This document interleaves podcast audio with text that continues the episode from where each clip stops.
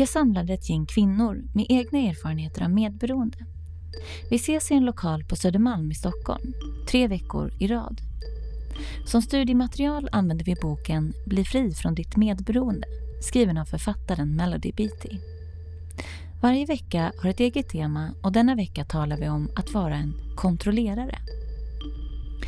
Alla deltagare har arbetat med sina problem ett tag. En del i självhjälpsgrupper eller tolvstegsprogram, vilket de syftar till när de talar om program. Andra genom terapi. Ingen av deltagarna använder sitt riktiga namn och alla delningar är personliga. Du lyssnar nu på del två av tre. Det här är Medberoendepoddens studiecirkel, andra träffen om kontroll.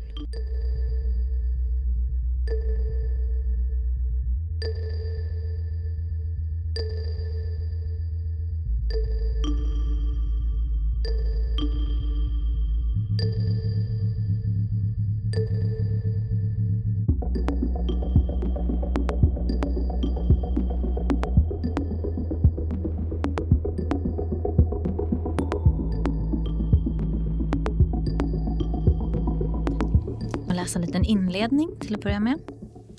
Medberoendepoddens studiecirkel är en grupp som alla delar medberoendeproblematiken på ett eller annat sätt. Vi kommer att ses tre veckor i rad och dela våra tankar, känslor och vårt hopp med varandra. Varje vecka har sitt eget tema och veckans tema är kontroll. Jag kommer strax att läsa en inledande text som berör det temat. Därefter kommer vi att ha en delningsrunda där var och en får dela sina tankar utifrån temat eller något annat som känns viktigt. För enkelhetens skull ber jag er alla presentera er vid namn följt av medberoende. Sedan bekräftar vi personen genom att säga hej personen. Alltså, jag heter Ida och jag är medberoende. Hej Ida. Tack. Eh, varje delning får ta fem minuter. Därefter är det dags att lämna ordet vidare. Vi delar från hjärtat och behandlar både oss själva och varandra med respekt. Nu kommer jag läsa dagens text som är ur Melody Beatys bok Bli fri från ditt medberoende. Och det här kapitlet heter Befria dig själv. Folk säger att de medberoende är kontrollerare. Vi tjatar, skriker, vrålar, gråter, tigger, mutar, utövar påtryckningar, hänger över, skyddar, anklagar, ränner efter, flyr från, försöker övertala till, försöker ingjuta skuldkänslor, förför, fångar, snokar, demonstrerar hur sårade vi har blivit, sårar folk tillbaka, så att de får känna hur det känns. Avger ultimatum, gör saker åt andra, vägrar göra saker åt andra. Marscherar ut, ger igen, gnäller, öser vår vredes skålar över varandra, spelar hjälplösa, lider under öronbedövad tystnad, försöker vara till lags, ljuger, går bakom ryggen, tar oss för bröstet och säger att vi kommer dö, tar oss för pannan och säger att vi kommer bli galna, slår oss för bröstet och hotar att döda, skaffar oss stöd av andra, väljer våra ord väl, älskar, vägrar att älska, får barn, släpar andra till rådgivning, drar oss ur rådgivning, talar illa om, talar illa till, förolämpar, fördömer, ber om mirakel, betalar för mirakel, beger oss dit vi inte vill, stannar kvar, övervakar, dikterar, befaller, klagar, skriver brev om, skriver brev till, sitter hemma och väntar, går ut och letar, ringer till alla efter någon, kör omkring på mörka gator på natten och letar, jagar efter någon på mörka gator, hämtar hem, låser ute, flyttar ifrån, flyttar med, bannar, inskärper, råder, ger läxor, tillrättavisar, står på oss, ger efter, blidkar, provocerar, försöker göra någon svartsjuk, försöker göra någon rädd, påminner, frågar ut, antyder, letar i fickor, tittar i plånböcker, letar i byrålådor, gräver i handskfack, tittar i WC-tanken, försöker att se in i framtiden, rotar i det förflutna, ringer och berättar för släktingar, resonerar, klarar ut det på en gång för alla, klarar ut det igen, straffar, belönar, ger nästan upp, försöker sedan ännu hårdare och så vidare.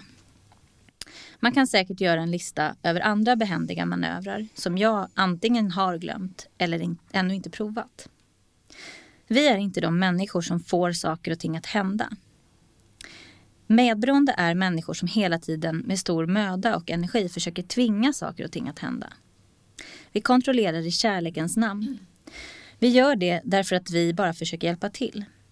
Vi gör det därför att vi vet bäst hur det ska vara och hur folk ska göra.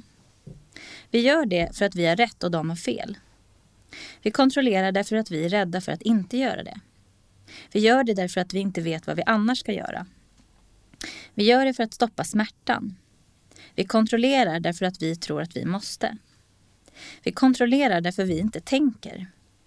Vi kontrollerar därför att kontrollera är det enda vi kan tänka på. Till sist kanske vi kontrollerar därför att det är så vi alltid gjort. Somliga är tyranniska och dominerande, reagerar med järnhand från en självutnämnd position. De är mäktiga, de vet bäst och det ska göras så här. Det kommer de att se till. Andra utför sitt smutsiga hantverk i skymundan. De gömmer sig bakom en vänlig och trevlig mask och sköter sina affärer i skymundan. Andra människors affärer. Åter andra suckar och gråter, betonar sin oförmåga, förkunnar sitt beroende, framhåller att de är totala offer och kontrollerar framgångsrikt med hjälp av svaghet. De är så hjälplösa. De behöver så väl ditt stöd. De kan inte leva utan det. Ibland är de svaga de mäktigaste manipulatörerna och kontrollerarna. De har lärt sig att rycka i världens skuldkänslor och medlidande snören. Många medberoende använder en kombinerad taktik med en rad olika metoder. Allt som funkar. Eller rättare sagt allt som inte fungerar. Trots att vi fortsätter att hoppas. Oberoende av taktiken är målen detsamma. Få andra människor att göra vad du vill att de ska göra. Få dem att bete sig som du tycker att de borde göra. Låt dem inte bete sig som du tycker att de inte ska göra. Men de säkert skulle kunna göra utan din hjälp.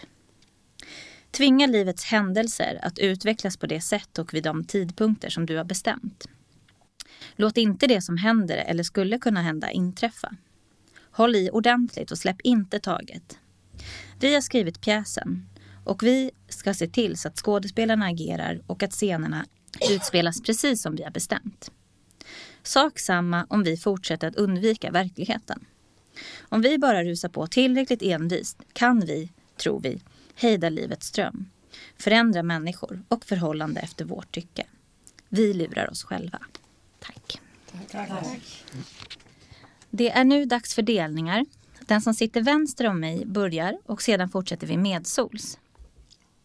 Vi kommer att skicka in, runt en mikrofon som riktas mot talaren. Så jag ber er alla att vänta med att ta ordet tills mikrofonen är placerad framför er. När alla i rummet har delat kommer jag att avsluta vårt samtal. Varsågoda att börja. Hej, Harriet medberoende. Hej Harriet. Tack för läsning. Eh, det var mycket saker jag kände igen mig från förr faktiskt. Jag eh, jag upplever inte att jag är så mycket den personen längre som jag var då. Men alla de där uh, kontrollmanierna var verkligen ett, ett helvete. Det var som att liksom allting var så himla inrutat i kontroll och det var som, som ett dataspel i huvudet liksom som jag styrde över. Men eh, faktiskt så um, har det släppt mycket och det är jätteskönt. Jag, det slog mig nu. Jag eh, höll på med alla sådana där grejer med min partner förut och manipulera och folk omkring mig. Men när man fokuserar på sig själv då ett så blir man själv inte lika intresserad av att fokusera på andra. Men två, det, det blir bättre i alla fall i ett förhållande eller i alla relationer om man inte håller på och petar i någon annan. Det, man vill inte att någon ska hålla på och peta i en själv.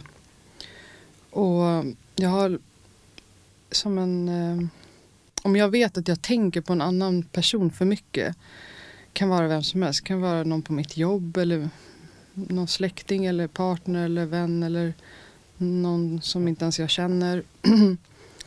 Då har jag som en bild i huvudet att gud, nu står jag inte ut och vara i, i mitt eget rum så jag liksom går och petar i någon annans business där jag inte har någonting att göra. Speciellt inte om den personen inte har bett om det. Jag, jag är väldigt noga med att inte liksom flyga mig på folk och göra en åtgärdsplan åt dem. Liksom. Vem fan skulle vilja att man gjorde det? Jag vill inte att någon ska göra det med mig. Alltså, jag har märkt ibland i olika sammanhang om man lyfter någonting eller nämner någonting så, och någon börjar ge en råd. Alltså fy fan, det vill man inte. Jag sköter mig själv. Och så där har man ju varit på all, all, eh, andra förut. Och det är jätteotrevligt och det är väldigt respektlöst. Men idag kan jag förstå varför jag höll på så mycket med andra. För då slapp jag hålla på med mig själv. Så när, när jag ibland hamnar i perioder så här, när jag sitter och ältar någonting eller harmas på någon då, då, då, då märker jag rätt snabbt idag att aha, nu är det någonting med mig själv som jag inte orkar dela med. Nu, nu orkar inte jag ta hand om mitt inre barn. Så då går jag och skapar någonting hos någon annan. Och eh, det är väldigt lättande. Det, jag och min man gick förut i, eller vi går i parterapi.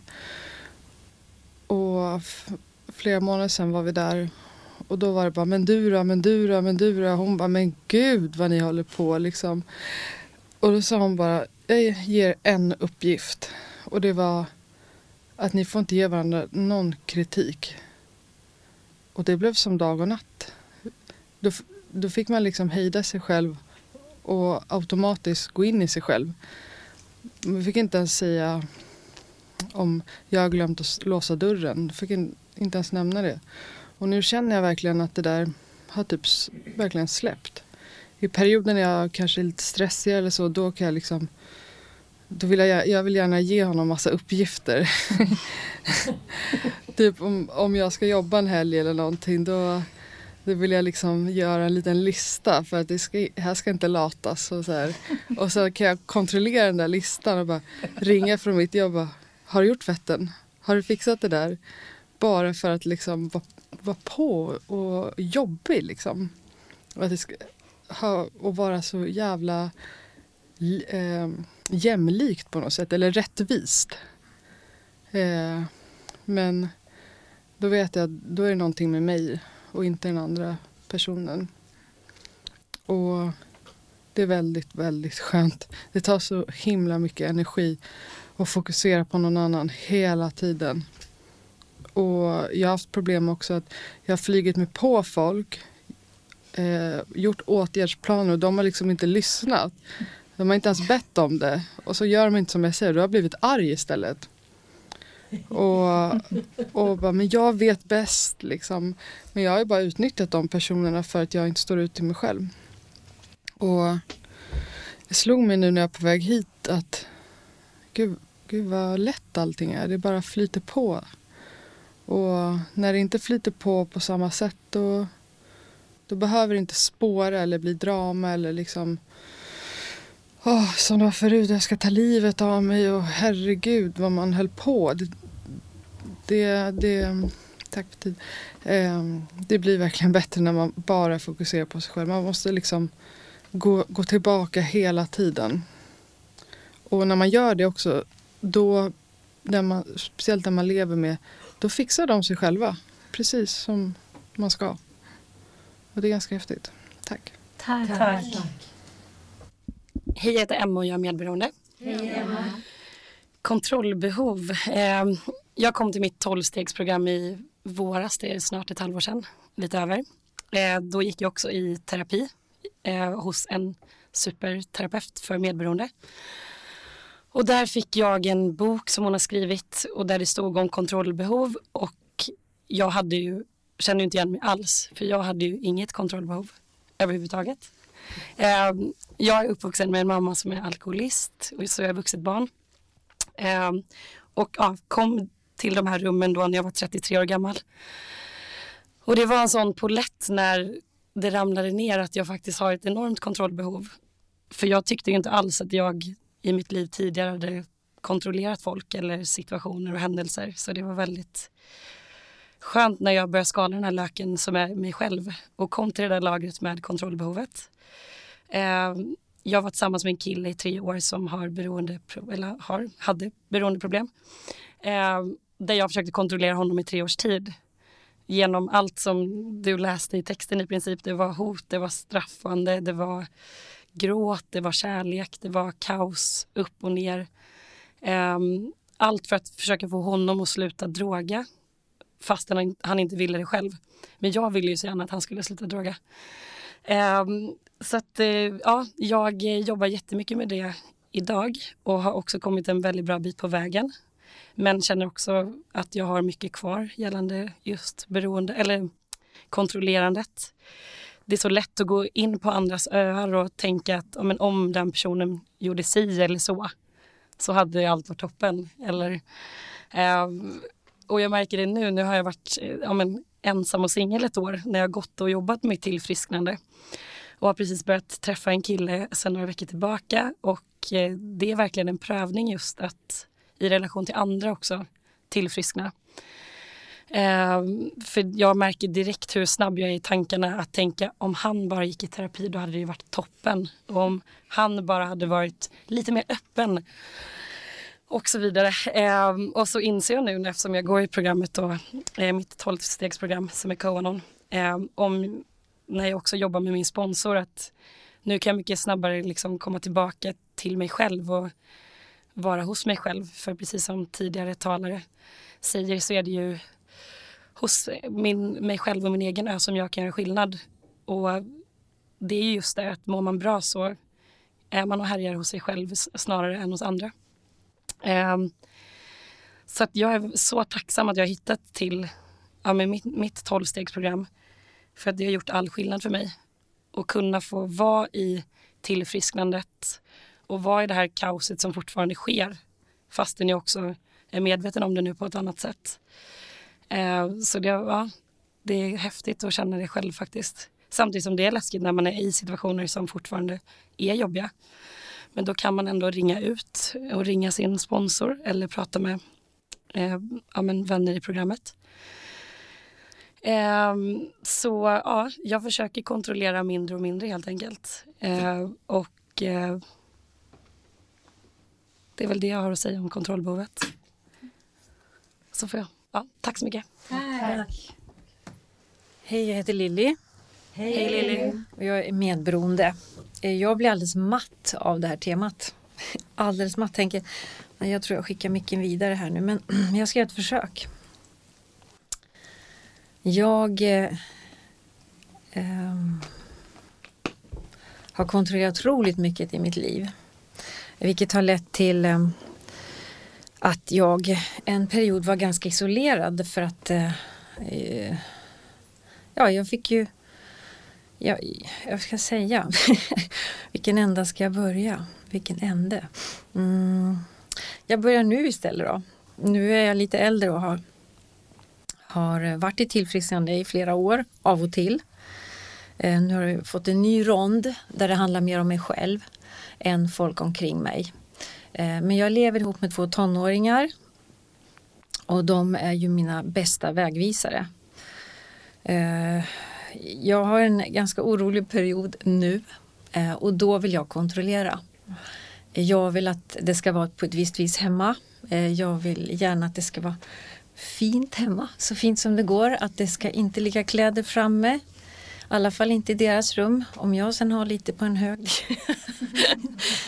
tycker jag skjut in i garderoben. så, och, så, så tyckte jag att vi skulle möblera om nu när det är höst och vinter. Vi ska göra en annan myshörna och flytta på en tv och sådär. Och, och jag bara försöker få de här um, kloka människorna att göra vad jag vill.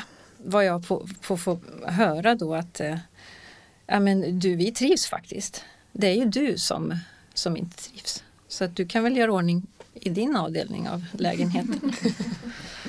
Och så försöker jag ändå, ja men vi kan väl i alla fall komma överens om att det ska vara det här vanliga eh, disk och sånt hemma. Att man liksom kommer hem och kan liksom gå in och göra den mat man vill ha. Så, så det har ju funkat och där vi kommer överens.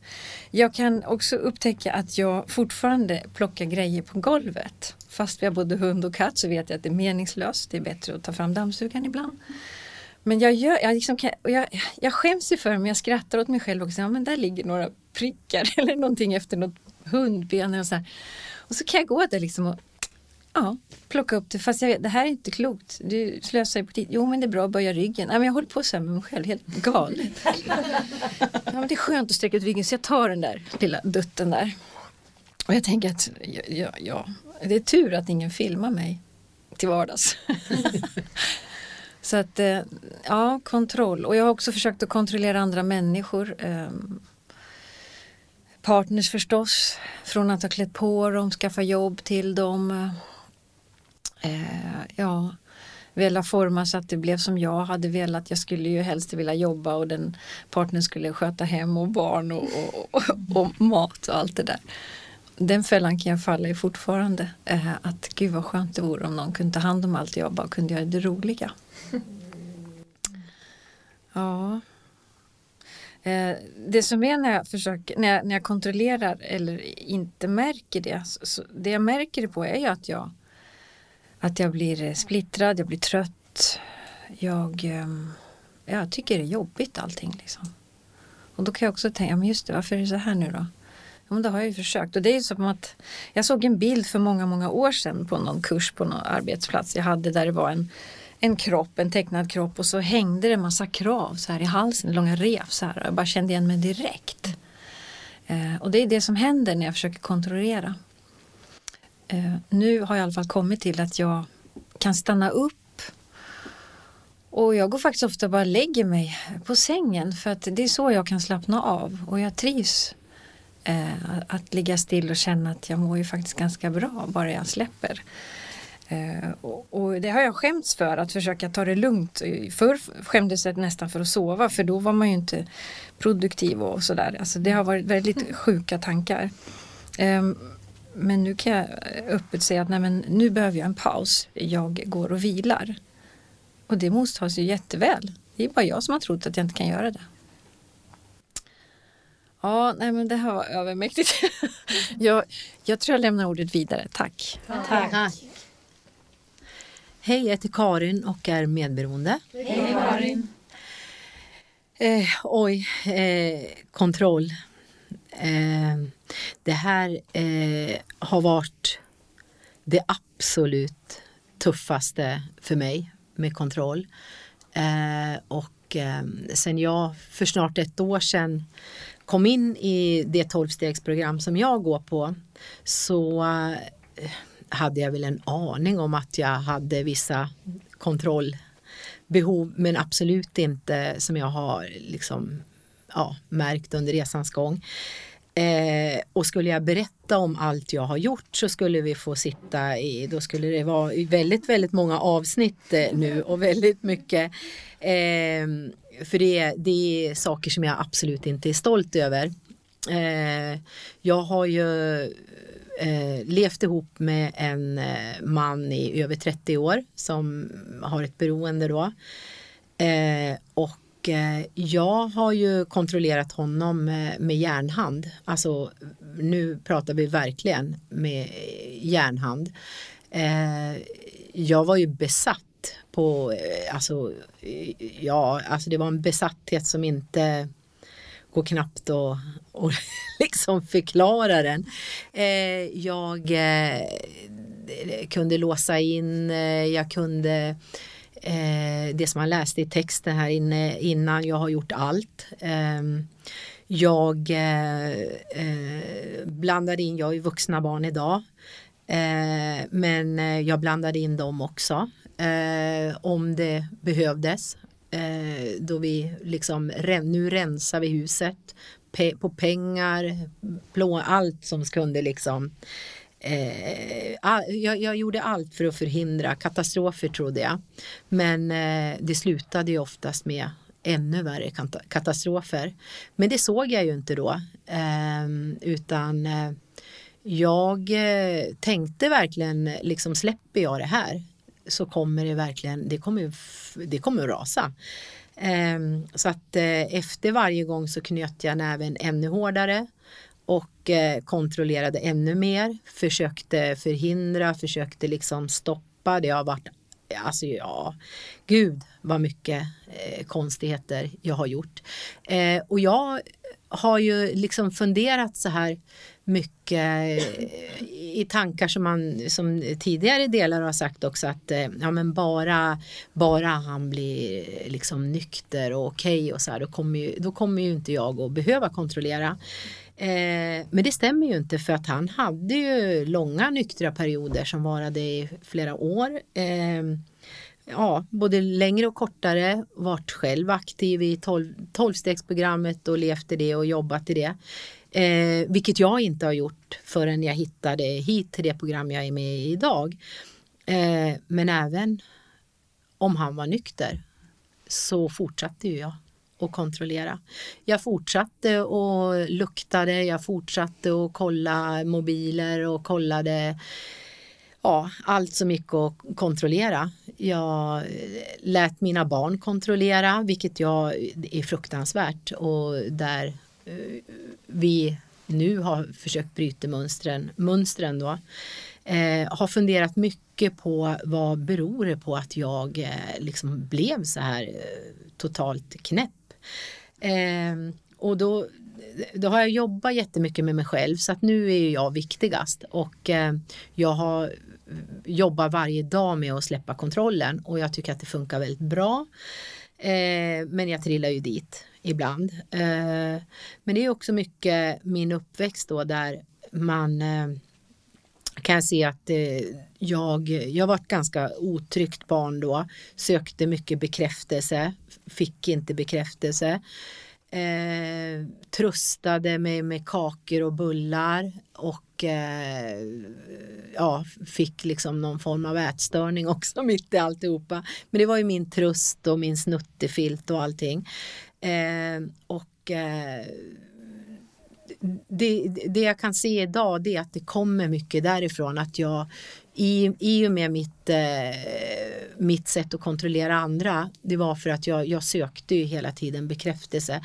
För det var ju så att när det viss, under vissa gånger när jag lyckades med mitt kontrollbehov och det liksom blev okej, okay, då fick jag ju bekräftelse och då var det ju passion och passionerat och eh, allt liksom var ju guld och gröna skogar för att sen rasa ihop igen. Eh, men som sagt var, eh, jag jobbar på det och det känns jätteskönt. Tack! Tack! Hej, jag heter Minna och jag är medberoende. Hej Minna! Alltså kontrollbehovet. Eh, för mig eh, det är en väldigt mörk och negativ kraft. Eh, jag kopplar ihop det med att när jag var liten så var jag tvungen att ha kontroll på saker för det fanns inte saker, alltså det fanns tillit som jag inte, alltså det fanns ingen tillit när jag var liten.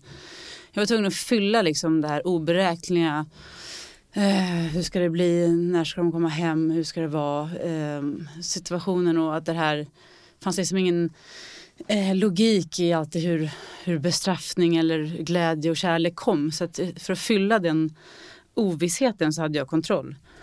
Um, och när jag var liten var det liksom en överlevnadsgrej. Jag var tvungen att hålla på med, med kontroll för att känna trygghet um, och för att funka.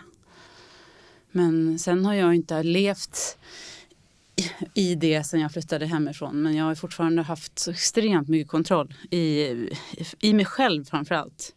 Framför allt eh, i röster som alltså, talar om för mig lite som tidigare att du, du får inte ligga när du ska sitta upp och du ska inte slöa, du ska dricka, du ska inte äta, du ska äta, du ska sova. Du, ja, men det fanns alltid någon som säger någonting till mig hur jag gör det.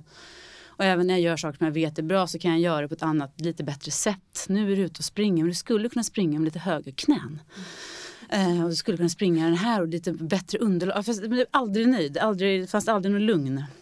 Det är min hjärna har liksom hållit på och speedat ihjäl sig i, i den här kontrollen. Eh, och det har också tagits uttryck i liksom prestation och tempo. Eh, för det har varit en kontroll i att inte varva ner för då kan vad som helst hända.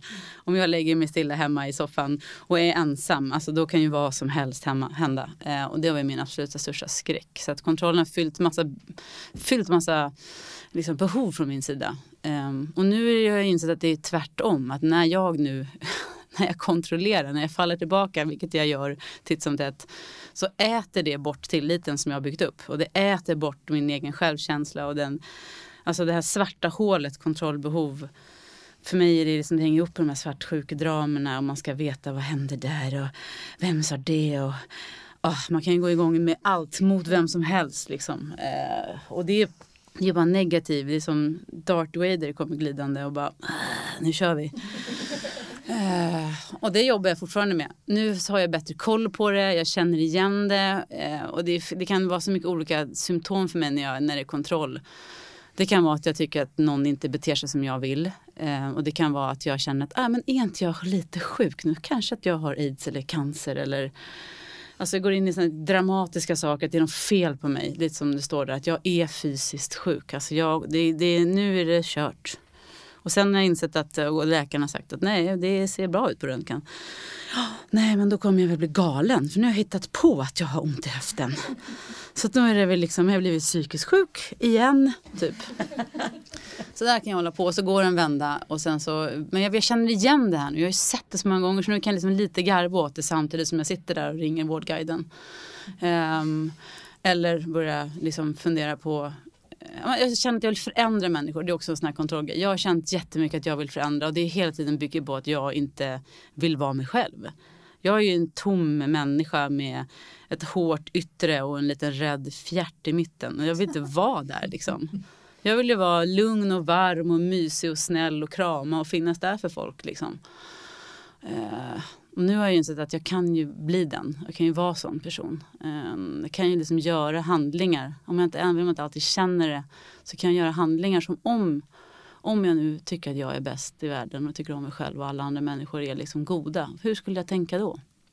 Och det hjälper mig jättemycket. Gå in i liksom lite Dalai Lama-tänk. Jag vill alla väl, för så känner jag nu för tiden. Jag, har inte, jag hyser inga agg mot gamla ex eller gamla oförrätter eller min galna morsa. Alltså, de är ju som de är, de är produkter av sin tid. Och jag känner liksom inte att jag är arg eller eh, jag har ingen tävling längre med folk. För det har jag också gjort. Tävlat i kontroll. Mm. på alla nivåer. Åh oh, gud, jag förstår inte ibland när jag säger så här, jag är så himla trött. när man tänker på vad, vad den här kontrollen har gjort för en. Det är klart som fan man är trött alltså. Eh, och nu när man slappnar av och man liksom hör de här gubbarna börja prata på axlarna och Darth Vader kommer krypande. och Man bara säger nej jag tänker inte gå dit. Så inser man liksom hur sjuk man har varit. Eh, så att jag är nog rätt trött fortfarande. och har lite svårt att ibland fylla tiden. Från att veta exakt vad jag ska göra varenda minut och det är ordning och det är snabbt och det är tempo till att känna så här. Jag vet inte vad jag vill äta. Jag vet inte vad jag ska titta på för serie. Jag vet inte vem jag vill träffa. Jag har blivit en velig känna efter-människa. Mm. Som kan stå och välja godis i typ tre timmar. Um, men jag trivs i alla fall bättre med det än Darth Vader-grejen. Um, så jag är väldigt tacksam för de här insikterna som jag har fått de senaste åren. Tack. Tack. Tack. Hej, jag heter Soraya och jag är medberoende. Hej Soraya och den här kontroll. Jag tror att jag har gjort allting som, som du hade i dagens text. Och sen plötsligt ingenting också. Spelar ju ingen roll. Så, här. så man bara, ja gör vad du vill, spelar ingen roll. Jaha, bajsar du mitt på mitt golv? Det, ja, ja, men jag sopar upp det snart. alltså, och um, jag har haft, eh, som flera av tidigare, tidigare delar, haft ett enormt kontrollbehov eftersom min familj jag växte upp i var väldigt dysfunktionell och hade mycket sjuka beteenden. Det handlade om överlevnad. Att hålla koll på någonting man kunde hålla koll på. För resten, eller verkligheten var ju så galen. Eh, och då handlar det väl om ja, ta hand om alla djuren i huset, ta hand om de mindre barnen, ta hand om mamma när hon inte kan vakna, eh, hålla alla undan pappa, whatever. Så. Hålla alla på gott humör. Eh, fast i själva verket så är det ju, hade jag ju, och kanske hela familjen, mått bättre om jag bara hade typ fått en psykos eller skrikit eller gått sönder som jag egentligen gjorde. Eh, så det är ju klart att man är trött. Och jag har haft stora problem med att acceptera acceptera att det här som jag har råkat ut för har hänt mig. Det är så. Jag har haft oerhörda problem med det. För jag är inte ett offer. Jag är inte ett offer. Jag är en överlevare. Jag klarar mig. Jag kommer förbi. Jag gör mina prov. Jag är jävligt bra på det jag gör. Det, det, det finns, här finns inte en fläck ni kommer åt mig på. Eh, och det gör jag själv. Det blir en fruktansvärt hård rustning och man måste vara på sin vakt hela tiden mot allt och alla. Och eh, även mot min dotter. Det ska passa in. Det är ju inte medvetet såklart, men det blir sån skräck. Liksom. Apropå Darth Vader så blir man Darth Vader mot alla som man tycker om. Och det har jag haft svårt att acceptera också. Därför att det är ju så synd om mig eftersom jag hade den här förfärliga uppväxten. Det är sant att jag hade. Men det, att acceptera det innebär ju också att ta ansvar för att välja bort det. Och det är först nu, i hjälp av, av det här eh, självhjälpsprogrammet som jag försökt, som jag faktiskt kan hitta lite, eh, lite verktyg. Jag måste vara väldigt försiktig för jag är väldigt skör. Jag är också väldigt velig. Jag vet nästan ingenting om vad jag vill. Jag vet att jag mår bra av yoga eh, och meditera. Jag vet att jag mår bra på mina grupper. Jag har inte samma tävlingsbehov längre, vilket gör mig skräckslagen. Kommer aldrig komma ut något mer här nu. är det kört nu? Men det är okej. Det händer ju något ändå. Man blir liksom... Plötsligt kommer det något ut ut något annat på ett annat sätt. Det är kanske ingen som ser heller på utsidan skillnaden. Mm. Men jag känner ju skillnaden. Det är en väldig befrielse. Nu för tiden kan jag gå på gatan och, tycka, och känna så här, ja, schysst, kolla, här bor jag. Det här, här bor jag på riktigt. Jag känner en massa jättefina människor. Jag, jag lever här, det är okej. Okay. Det kommer ingen att slå, ta mig nu. Jag, kommer inte, jag är inte i krig. Det är okej. Okay. Det kollar där ett blad eller åker en buss. Där några barn. Fint att få vara i det. För det har jag aldrig upplevt kan jag ärligt säga förrän nu. Så det är en väldigt, väldigt stor present. Eh, livsnödvändig. Så tack för det. Och tack att det är möte och tack för att alla ni är här. Det är ju jätteläkande att inte vara ensam som man ju blir i sådana väldigt dysfunktionella miljöer. Tack. Tack. Hej, jag heter Evelina och är medberoende. Hej Evelina. Hej. Um, också tacksam för att vara här. Uh, och och eh, lite fnittrig, förlåt. eh, tappa kontrollen så att säga. Eh, mm, ja, det händer tydligen ibland. Eh, nej, men jag, eh, jag kom till mitt eh, tolvstegsprogram ehm, för drygt två år sedan. Och då ehm, så förstod inte jag ordet eller begreppet kontroll. Jag har helt missuppfattat det för att jag um, såg, eller också så här, min självbild när jag kom in var ju att jag absolut inte hade något eh, problem med kontroll för att jag, alltså jag är råskön liksom. Jag har ingen, alltså alla får vara som de är. Det är ju liksom Det är ju så det är. Jag är skön och jag behöver inte ha någon kontroll. Gud, ta, gör vad ni vill, typ, trodde jag. Um, det jag sen förstod var att alltså, det finns nog ingen eh, millimeter i mitt liv eller min tanke som inte handlar om kontroll. Alltså allting. Jag kontrollerar liksom vartenda jävla andetag typ.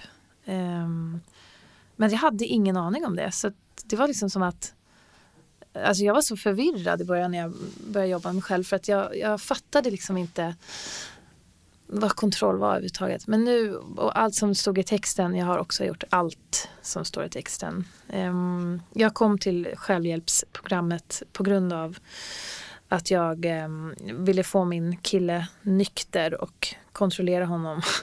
uh, liksom få någon slags uh, recept på hur man kontrollerar perfekt. Typ. um, men det fick jag ju inte. Fick ju tvärtom hur man inte kontrollerar någon. Och det var ju helt sjukt i början men det har ju hjälpt mig jättemycket. Och, och det kommer ju också, min, min kontroll började ju såklart när jag var jätteliten. Jag är också uppvuxen i en dysfunktionell familj. Um, och jag vill liksom kontrollera andra människor så att de ska tycka om mig egentligen handlar det väl om mycket. Um, och, och um, alltså, saker och ting har ju blivit mycket bättre. Jag faller ju i kontroll hela tiden, säkert många gånger om dagen. Men jag blir mer och mer medveten om den och jag försöker jobba, jobba på att släppa kontroll. Um, och det går ju bättre och bättre helt klart. Men jag har fortfarande en grej som är jävligt jobbig fortfarande och det övar jag på ganska ofta, nästan varje dag. Och det är till exempel när jag åker kollektivtrafik.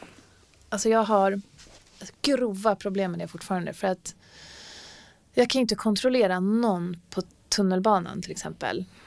Eh, men det handlar också om ansvar, att jag, jag, vill, jag tar ansvar för typ stämningen på tunnelbanan. Och det är liksom helt omöjligt men det tar jag på mig.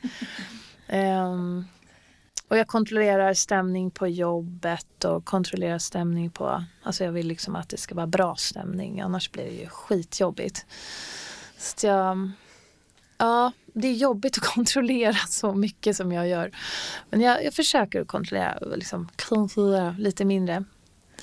Um, men kontroll är ju, ja, det är ju allt egentligen. Alltså hur, hur, skulle man annars kunna leva, tänkte jag först. Om allt var kontroll, för allt har ju varit kontroll. Men nu, gud vad jag svamlar, men nu eh, med lite eh, självhjälp så eh, inser jag att det, det faller ju, ingenting händer. Det blir bättre om jag slutar kontrollera. Eh, mycket, mycket bättre. Och jag övar på att stå på tunnelbanan och blunda. För då kan jag inte se något och så har jag någonting i öronen för då kan jag inte höra något heller. Eh, så jag står som ett litet freak typ varje morgon och bara blundar i kollektivtrafiken. Eh, för att då släpper jag helt liksom. Då kan ju vad som helst hända runt mig och jag vet att det är lugnt men, men det är en övning. Mm. Ja, jag stannar där. Tack. Tack. Hej, Diana Medberoende. Hej Diana. Um, tack för alla fantastiska berättelser eller delningar. Um, jag har också börjat i en självhjälpsgrupp och fått lite mer kontroll över mitt kontrollbehov. kan jag säga. Uh, och jag har också tänkt väldigt, väldigt mycket på de här fem veckorna som jag har varit med. Så det är fortfarande väldigt nytt men det snurrar väldigt mycket tankar just runt om kontroll och tillit. Um, jag är också uppväxt i en väldigt otrygg familj. Uh, vi är generationer av uh, knäppskallar och medberoende knäppskallar mm. uh, kan man säga. Och jag fostrades som medberoende. Eh, tidigaste minnen jag har av kontroll var att man skulle kontrollera min mormor för att hon eh, ofta i olika tvångstankar brukar slänga ut blomkrukor genom fönstret. Och det var okej så länge vi bodde på första våningen men när hon kom på besök och vi bodde på tredje våningen så var det alltid så här, ja, nej, men, ja, men jag måste gå på toa, kan inte du kolla mormor så inte hon slänger ut en blomkruka? Man bara, ja okej. Okay. Så, så, att, så är jag uppväxt, att hela tiden hålla koll på olika människor som mår dåligt också få dem att vara glada. Eh, min bonuspappa också, att han inte skulle eh, att han skulle vara på gott humör. Det var vår uppgift i vår familj. Och sen har jag mm, ju haft svårt att släppa det här eh, och då hela tiden sökt mig till sådana relationer där jag känner mig hemma i att jag anpassar mig eller kan rädda någon person eller kan få den att vara glad. Och det har varit min uppgift i en relation. Um, och det är ju jättetråkigt när det är så. Men det är också som någon annan sa här, det är ju fantastiskt när man faktiskt lyckas. Då får man ju, när man får den där väldigt, väldigt, väldigt jobbiga personen att vara lycklig tillsammans med en bara för fem minuter så blir man ju, så blir man ju hög helt enkelt. och det, det är ett rus och en drog på ett sätt som man liksom sen söker hela tiden. Uh, men det som jag mer och mer börjar förstå det är att det som jag har det som jag har hanterat det brukar jag kalla för eh, den korta faran. Alltså jag hanterar akuta kriser. Eh, och den långa faran brukar jag säga, den hanterar jag inte. Jag klarar inte av till exempel att betala in CSN-räkningen. Eh, fastän jag vet att man får 500 kronor i, i böter bara man är en dag försenad. Men däremot klarar jag av om någon försöker ta livet av sig. Då vet jag precis vad man ska göra. Då känner jag mig trygg och lugn. Eh, och det är typ av kontrollbehov som är, alltså det är nästan som en krigsskada. Alltså jag, jag känner mig också som att jag, jag alltid skulle passat bra i krig. Liksom. När det inte händer någonting blir jag väldigt nervös också. Mm. Eh, så att jag försöker nu att tillåta mig själv att se kontrollbehovet också på ett lite mer eh, förlåtande sätt. Att eh, inte straffa mig själv när jag märker att jag vill kontrollera saker och när jag blir osäker för att nu jobbar jag väldigt mycket med att släppa kontrollen och ha mer tillit. Eh, både till mina barns skola, eh, till min partner. Eh, ja, det kan vara vad som helst. Det kan vara att jag blir irriterad på att de har Eh, ställt alla hyllorna på olika irrelevanta sätt på Konsum. Alltså det, väl, alltså det kan vara liksom, kontrollbehov av att det ska fungera bättre var som helst. Eh, och det är också som någon som tidigare delade ett sätt att ja, en liten verklighetsflykt som gör att jag känner mig mer trygg helt enkelt när jag känner att jag kan eh, kanske göra någonting bättre någon annanstans för att det är faktiskt omöjligt för mig kanske med den stora uppgiften som är att förbättra mig själv. Eh, så att det där jobbar jag med och då eh, märker jag mer och mer att det också handlar om min tillit så att det går i faser när jag börjar att att släppa kontrollen och berätta för mina nära att jag inte tänker kontrollera dem och inte manipulera dem. Eller, eh, för att jag oftast så vet, har jag känt att jag vet då, precis som tidigare talare, vad de behöver göra. Och om någon drogar så, så kan man ju lätt tycka att man är bättre än den för att man vet att den ska sluta droga. Men som sagt, om den inte vill sluta droga så, så kan man aldrig övertala den till det.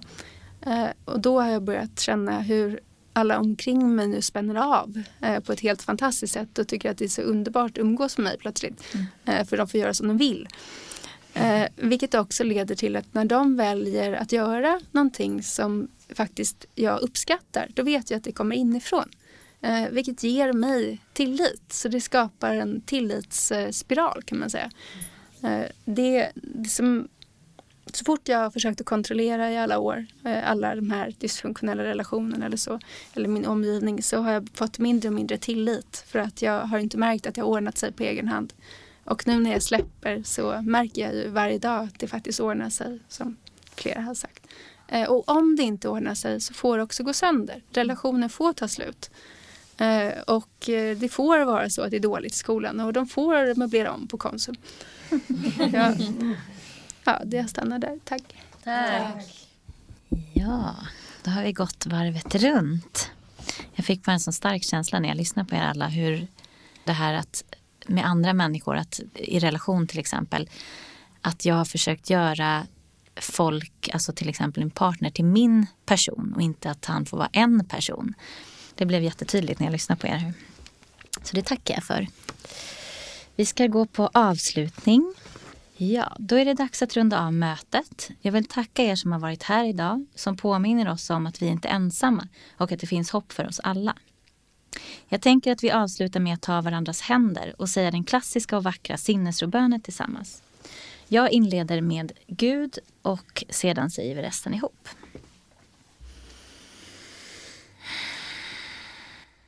Gud, ge mig sinnesro att acceptera det jag inte kan förändra. Mod att förändra det jag kan och förstånd att inse skillnaden. Tack!